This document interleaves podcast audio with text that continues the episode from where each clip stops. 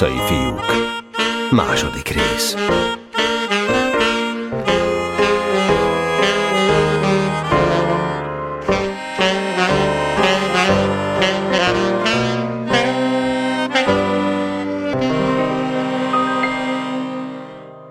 A grund.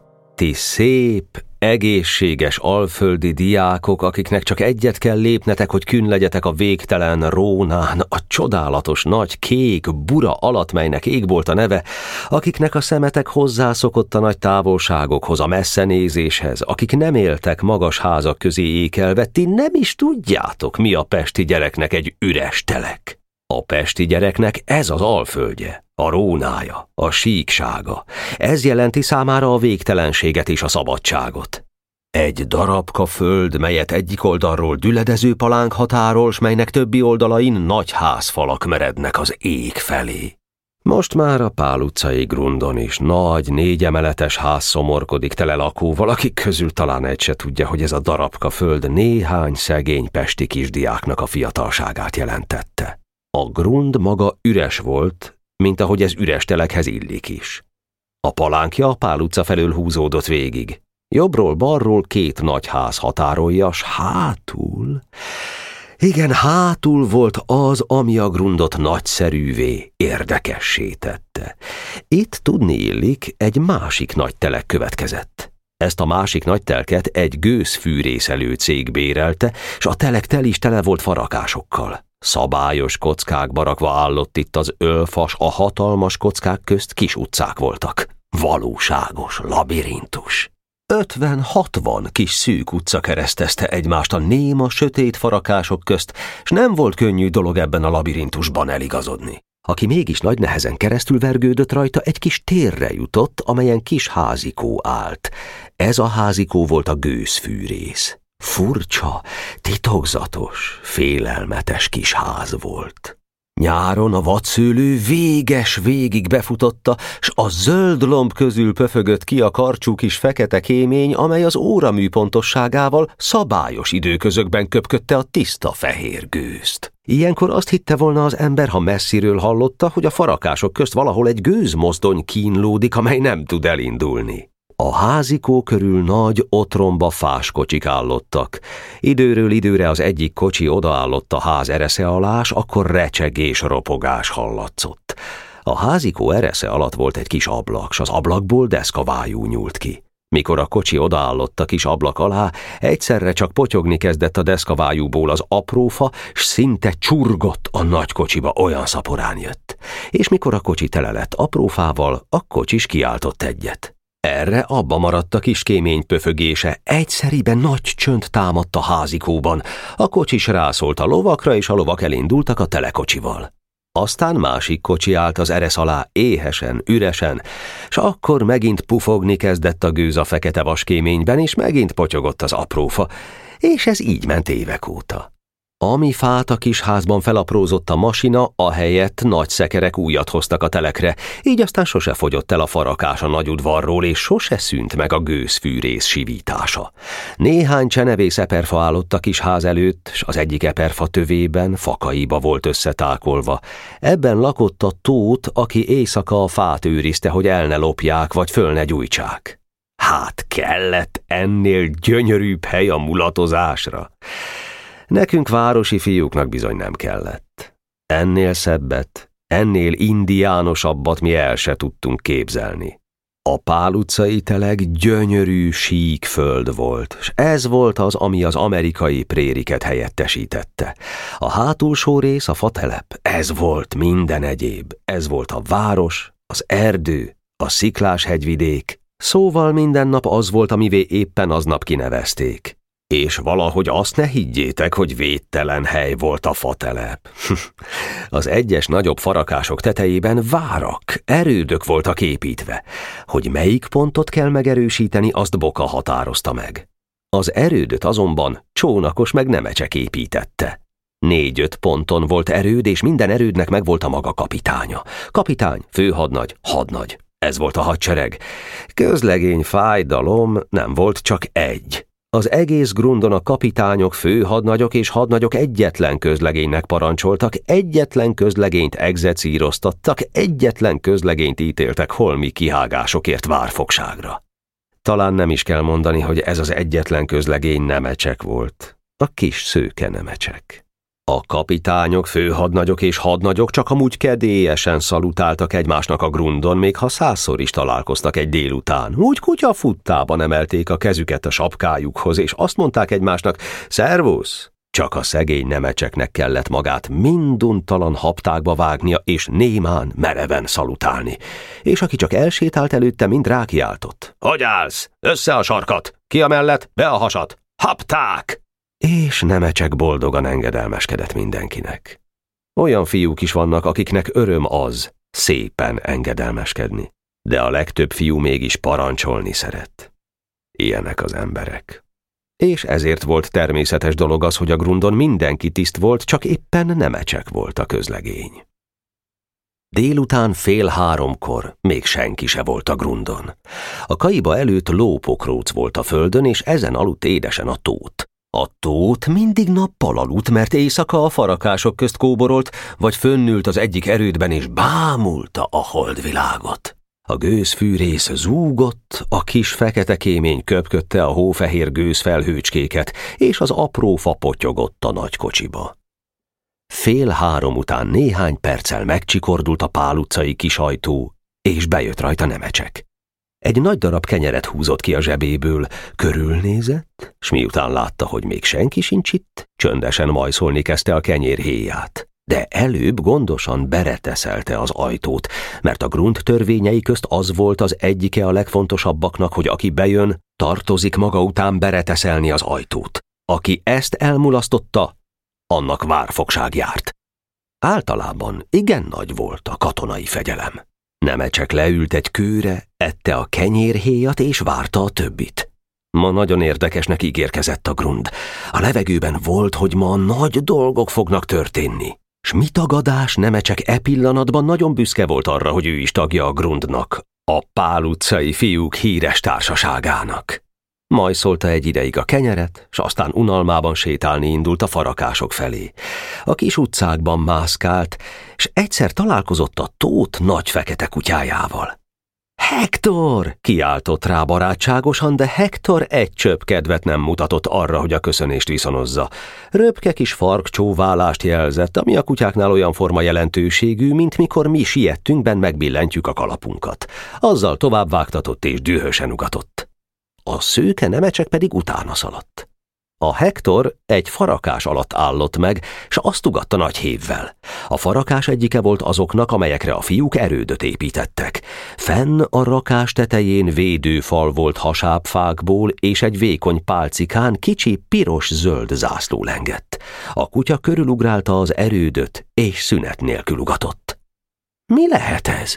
Kérdezte a kis szőke a kutyától, mert a kis szőke nagy barátságban volt a fekete kutyával. Talán azért, mert rajta kívül Hektor volt az egyetlen közlegény a hadseregben. Felnézett az erődre. Nem látott fenn senkit, de érezte, hogy valaki motoszkál az ölfák közt. Hát neki indult és fölkapaszkodott a kiálló végeken. Fele úton volt, amikor tisztán és világosan hallotta, hogy valaki teszi-veszi fönn a fadarabokat. Dobogni kezdett a szíve, és most kedve lett volna visszafordulni, de mikor lenézett és len meglátta Hektort, megint neki bátorodott. Ne félj, ne mecsek, mondta magának, és óvatosan kapaszkodott tovább. Minden foknál újra bátorította magát. Egyre ezt mondogatta. Ne félj, ne mecsek, ne félj, ne mecsek, és felért a farakás tetejére. Ott még egy utolsó ne félj nemecseket mondott, mikor az erőd alacsony falán át akart lépni, de ilyettében a levegőben maradt az a lába, amelyikkel lépni akart. Jesszus! kiáltotta. És hanyat homlok kapaszkodott vissza lefelé a fokon. Mikor a földre ért, hangosan dobogott a szíve. Fölnézett az erődre. A zászló mellett, jobb lábát az erőd falára téve állott fönn Ács Feri, a rett rettenetes ácsferi minnyájuk ellensége a füvészkertiek vezére.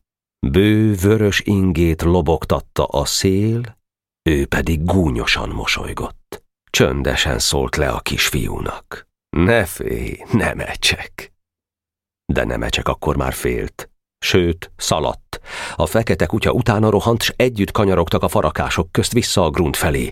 A szélszárnyán utánuk repült Ácsferi gúnyos kiáltása. Ne félj, nem ecsek! De mire a telekről visszanézett, már nem volt fenn a tetőn az ácsferi vörös inge, hanem a zászló is hiányzott az erődről. A kis piros-zöld zászlót, amelyet a csele nővére vart, magával vitte. Eltűnt a farakások közt. Talán kiment a Mária utcán, a gőzfűrész felül, de az is meg lehet, hogy elrejtőzött valahol a barátaival, a pásztor fiúkkal. És arra a gondolatra, hogy a pásztorok is itt vannak, végigment a hideg nemecsek hátán. Ő már tudta, mi az, a pásztorokkal találkozni. De Ács Ferit most látta először közelről. Nagyon megijedt tőle, de őszintén megvalva tetszett neki a fiú. Szép, vállas, barna fiú volt, s pompásan illet rá a bő vörös ing. Ez valami harciasságot adott a megjelenésének. Valami Garibald is volt abban a vörös ingben. A füvészkertiek különben mind vörös inget hordtak, mert mind utánozták Ácsferit. A grunt palánkjának ajtaján szabályos egymás utánban négyet koppantottak. Nemecsek föllélegzett. A négy koppantás a pál utcai fiúk jele volt. Oda rohant a bereteszelt ajtóhoz és kinyitotta. Boka jött cselével és gerébbel. Nemecsek alig várta, hogy elmondhassa nekik a félelmetes újságot, de azért nem feledkezett meg arról, hogy ő közlegény, hogy mivel tartozik a főhadnagyoknak és a kapitányoknak, tehát haptákba állott és feszesen szalutált. Szervusz, mondták az újon jöttek. Mi újság? Nemecsek a levegőbe kapkodott és szeretett volna mindent egyszerre egy szuszra elmondani. Borzasztó! kiáltotta. Micsoda? Rettenetes! Nem fogjátok elhinni! De micsoda? Ács Feri itt volt! Most a másik három legényem volt a sor, hirtelen elkomolyodtak. Nem igaz, mondta Geréb. Nemecsek a mellére tette a kezét. Isten bizony! Ne esküdözzél, szólt rá Boka, s hogy nagyobb nyomatékot adjon a szavának rákiáltott. Hapták! Nemecsek összecsapta a sarkát, Boka odalépett hozzá. Részletesen mondd el, mit láttál. Mikor odamentem az utcák közé, mondta, a kutya ugatott. Utána mentem, és valami recsegést hallottam a középső citadellában. Fölmásztam rá, és fönn állott Ács Feri vörös ingben. Fönn állott a citadellán. Fönn! mondta a kis szőke, és majdnem megesküdött megint. Már a mellén volt a keze, de Boka szigorú pillantására visszakapta, és hozzátette. A zászlót is elvitte. Csele fölsziszent. A zászlót? Azt! Oda szaladtak mind a négyen. Nemecsek szerényen leghátul szaladt, részben azért, mert ő közlegény volt, részben azonban azért, mert nem lehetett tudni, hát ha ott bujkál még az utcákban ácsferi. Az erőd előtt megállottak. Valóban, a zászló hiányzott. Még a nyelese volt ott. Minnyáján nagyon izgatottak voltak, csak Boka tartotta meg a hideg vérét. Mondd meg a nővérednek, fordult Cseléhez, hogy holnapra csináljon új zászlót. Igen ám, szólt Csele, de már nincs több zöld szövetje. Piros még van, de zöld már nincs. Boka nyugodtan intézkedett. Fehér van? Van. Hát akkor csináljon egy piros-fehér zászlót. Ezentúl piros-fehér lesz a színünk. Ebben megnyugodtak. Geréb rákiáltott nemecsekre. Közlegény! Jelen! Holnapra javítsa ki a törvényekben, hogy ezentúl nem piros-zöld a színünk, hanem piros-fehér. Igenis, főhadnagy úr! És Geréb kegyelmesen vetette oda a feszesen álló kis szőkének. Pihenj! A kis szőke pedig pihent. A fiúk felmásztak a várba, és konstatálták, hogy a zászló nyelét letörte Ácsferi. A nyél oda volt szögezve, s az a kis darabja, ami a szög alatt volt, még most is ott búslakodott. A grundról kiáltások hallatszottak. Ha-ho-ho! Ha-ho-ho! Ez volt a jelszavuk. Úgy látszik, már megérkeztek a többiek is, és keresték őket. Élesen hangzott a sok gyerek torokból. Ha-ho-ho! Ha-ho-ho! Csele odaintette magához nemecseket. Közlegény! Jelen! Feleljen a többieknek. Igenis, hadnagy úr! És tölcsért csinálva a szája előtt a tenyeréből kieresztette vékony kis gyerek hangját. Ha-ho-ho! Azzal lemásztak, és megindultak a síkság felé. A síkság közepén csoportba verődve álltak a többiek. Csónakos, Weiss, Kende, Kolnai és még néhányan. Mikor Bokát meglátták, mind haptákba állottak, mert ő volt a kapitány. Szervusztok, mondta Boka. Kolnai kiállott a csomóból. Alásan jelentem, mondta. Mikor bejöttünk, a kiskapu nem volt bezárva. A törvény szerint pedig a kapunak belülről be kell reteszelve lennie. Szigorúan nézett hátra Boka a kísérete felé, és a többiek is mind nemecsekre néztek. Nemecseknek már megint a mellén volt a keze, és épp esküdni akart, hogy nem ő hagyta nyitva az ajtót, mikor a kapitány megszólalt. Ki jött be utoljára? Nagy csönd lett, senki se jött be utoljára. Egy pillanatig hallgatott mindenki, és ekkor nemecseknek földerült az arca. Megszólalt. A kapitány úr jött be utoljára. Én, mondta Boka. Igen. Kisé gondolkozott. Igazad van, mondta aztán komolyan. Elfelejtettem bereteszelni az ajtót. Ezért írja fel a nevemet a fekete könyvbe, főhadnagy úr. Geréphez fordult. Gerép kivett a zsebéből egy kis fekete noteszkönyvet, és nagybetűkkel beleírta. Boka János. És hogy tudja is, miről van szó, melléje jegyezte. Ajtó. Ez tetszett a fiúknak. Boka igazságos fiú volt. Ez az önbüntetés oly gyönyörű példája volt a férfiasságnak, amin őt még a latinórán se lehetett hallani, pedig a latinóra tele volt római jellemekkel. De Boka is ember volt, Boka se volt ment minden gyöngeségtől. Felíratta ugyan magát, de odafordult Kolnaihoz, aki a nyitott ajtót bejelentette. Neked pedig ne járjon mindig a szád. Főhadnagy úr, írja fel Kolnait árulkodásért. A fő hadnagy úr megint előkaparázta a rettenetes noteszt és beleírta kolnait. Nemecsek pedig, aki leghátul állott, örömében egy csendes kis csárdást táncolt, hogy ez egyszer nem őt írják be a könyvbe. Mert tudni kell, hogy a könyvben egyéb se volt olvasható, mint a Nemecsek neve. Mindig, mindenért, mindenki csak őt iratta fel. És a törvényszék, mely minden szombaton ült össze, mindig őt ítélte el. Hiába ez így volt. Ő volt az egyetlen közlegény. És most nagy megbeszélés következett. Néhány perc múltán mindenki tudta a nagy újságot, hogy Ács Feri, a vörösingesek kapitánya ide merészkedett a grunt szívébe, felmászott a középső citadellába és elvitte az ászlót. A szörnyülködés általános volt. Az egész társaság nemecseket vette körül, aki egyre újabb és újabb részletekkel toldotta meg a szenzációs hírt. És mondott neked valamit? Hogy ne, büszkélkedett Nemecsek. Mit? Rám kiáltott. Mit kiáltott? Azt kiáltotta, hogy nem félsz, Nemecsek.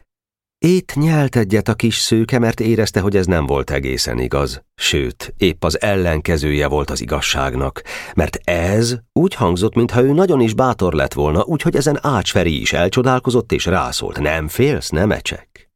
És te nem féltél? Nem én. Megálltam az erőd alatt, aztán ő oldalt lemászott és eltűnt. Elszaladt. Geréb közbe kiáltott. Az nem igaz. Ácsferi még sohasem szaladt el senki elől. Boka ránézett Gerébre. Ennyi, de véded, mondta. Csak azért mondom, szólt egy kicsit csöndesebb hangon Geréb, mert az nem valószínű, hogy Ácsferi megijedt nemecsektől. Erre minnyáján nevettek. Igazán ez nem volt valószínű. Nemecsek zavartan állt a csomó közepén, és a vállát vonogatta. Aztán Boka állott a középre. Hát itt tenni kell valamit, fiúk. Mára úgyis elnökválasztást hirdettünk. Elnököt fogunk választani, mégpedig teljhatalmú elnököt, akinek minden parancsát vakon kell teljesíteni. Meg lehet, hogy a dologból háború lesz, és akkor szükség van valakire, aki a dolgokat előre elintézze, mint az igazi csatában. Közlegény, álljon elő! Hapták! Vágjon annyi darabka papírost, ahányan vagyunk, és mindenki reá fogja írni a papírra, hogy kit akar elnöknek. A papírokat majd egy kalapba dobjuk, és aki a legtöbb szavazatot kapja, az lesz az elnök.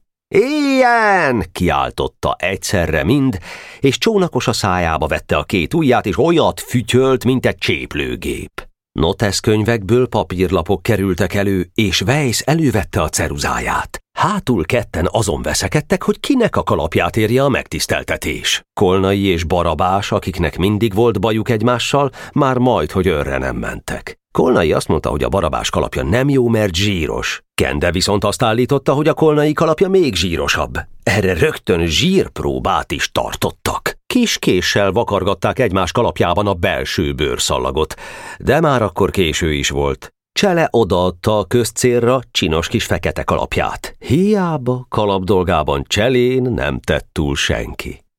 Nemecsek azonban legnagyobb meglepetésre, ahelyett, hogy szétosztotta volna a cédulákat, felhasználta az alkalmat, hogy a közfigyelem egy pillanatra feléje terelődött, és piszkos kis kezébe szorítva a cédulákat előlépett. Haptákba vágta magát, és remegő hangon így szólt.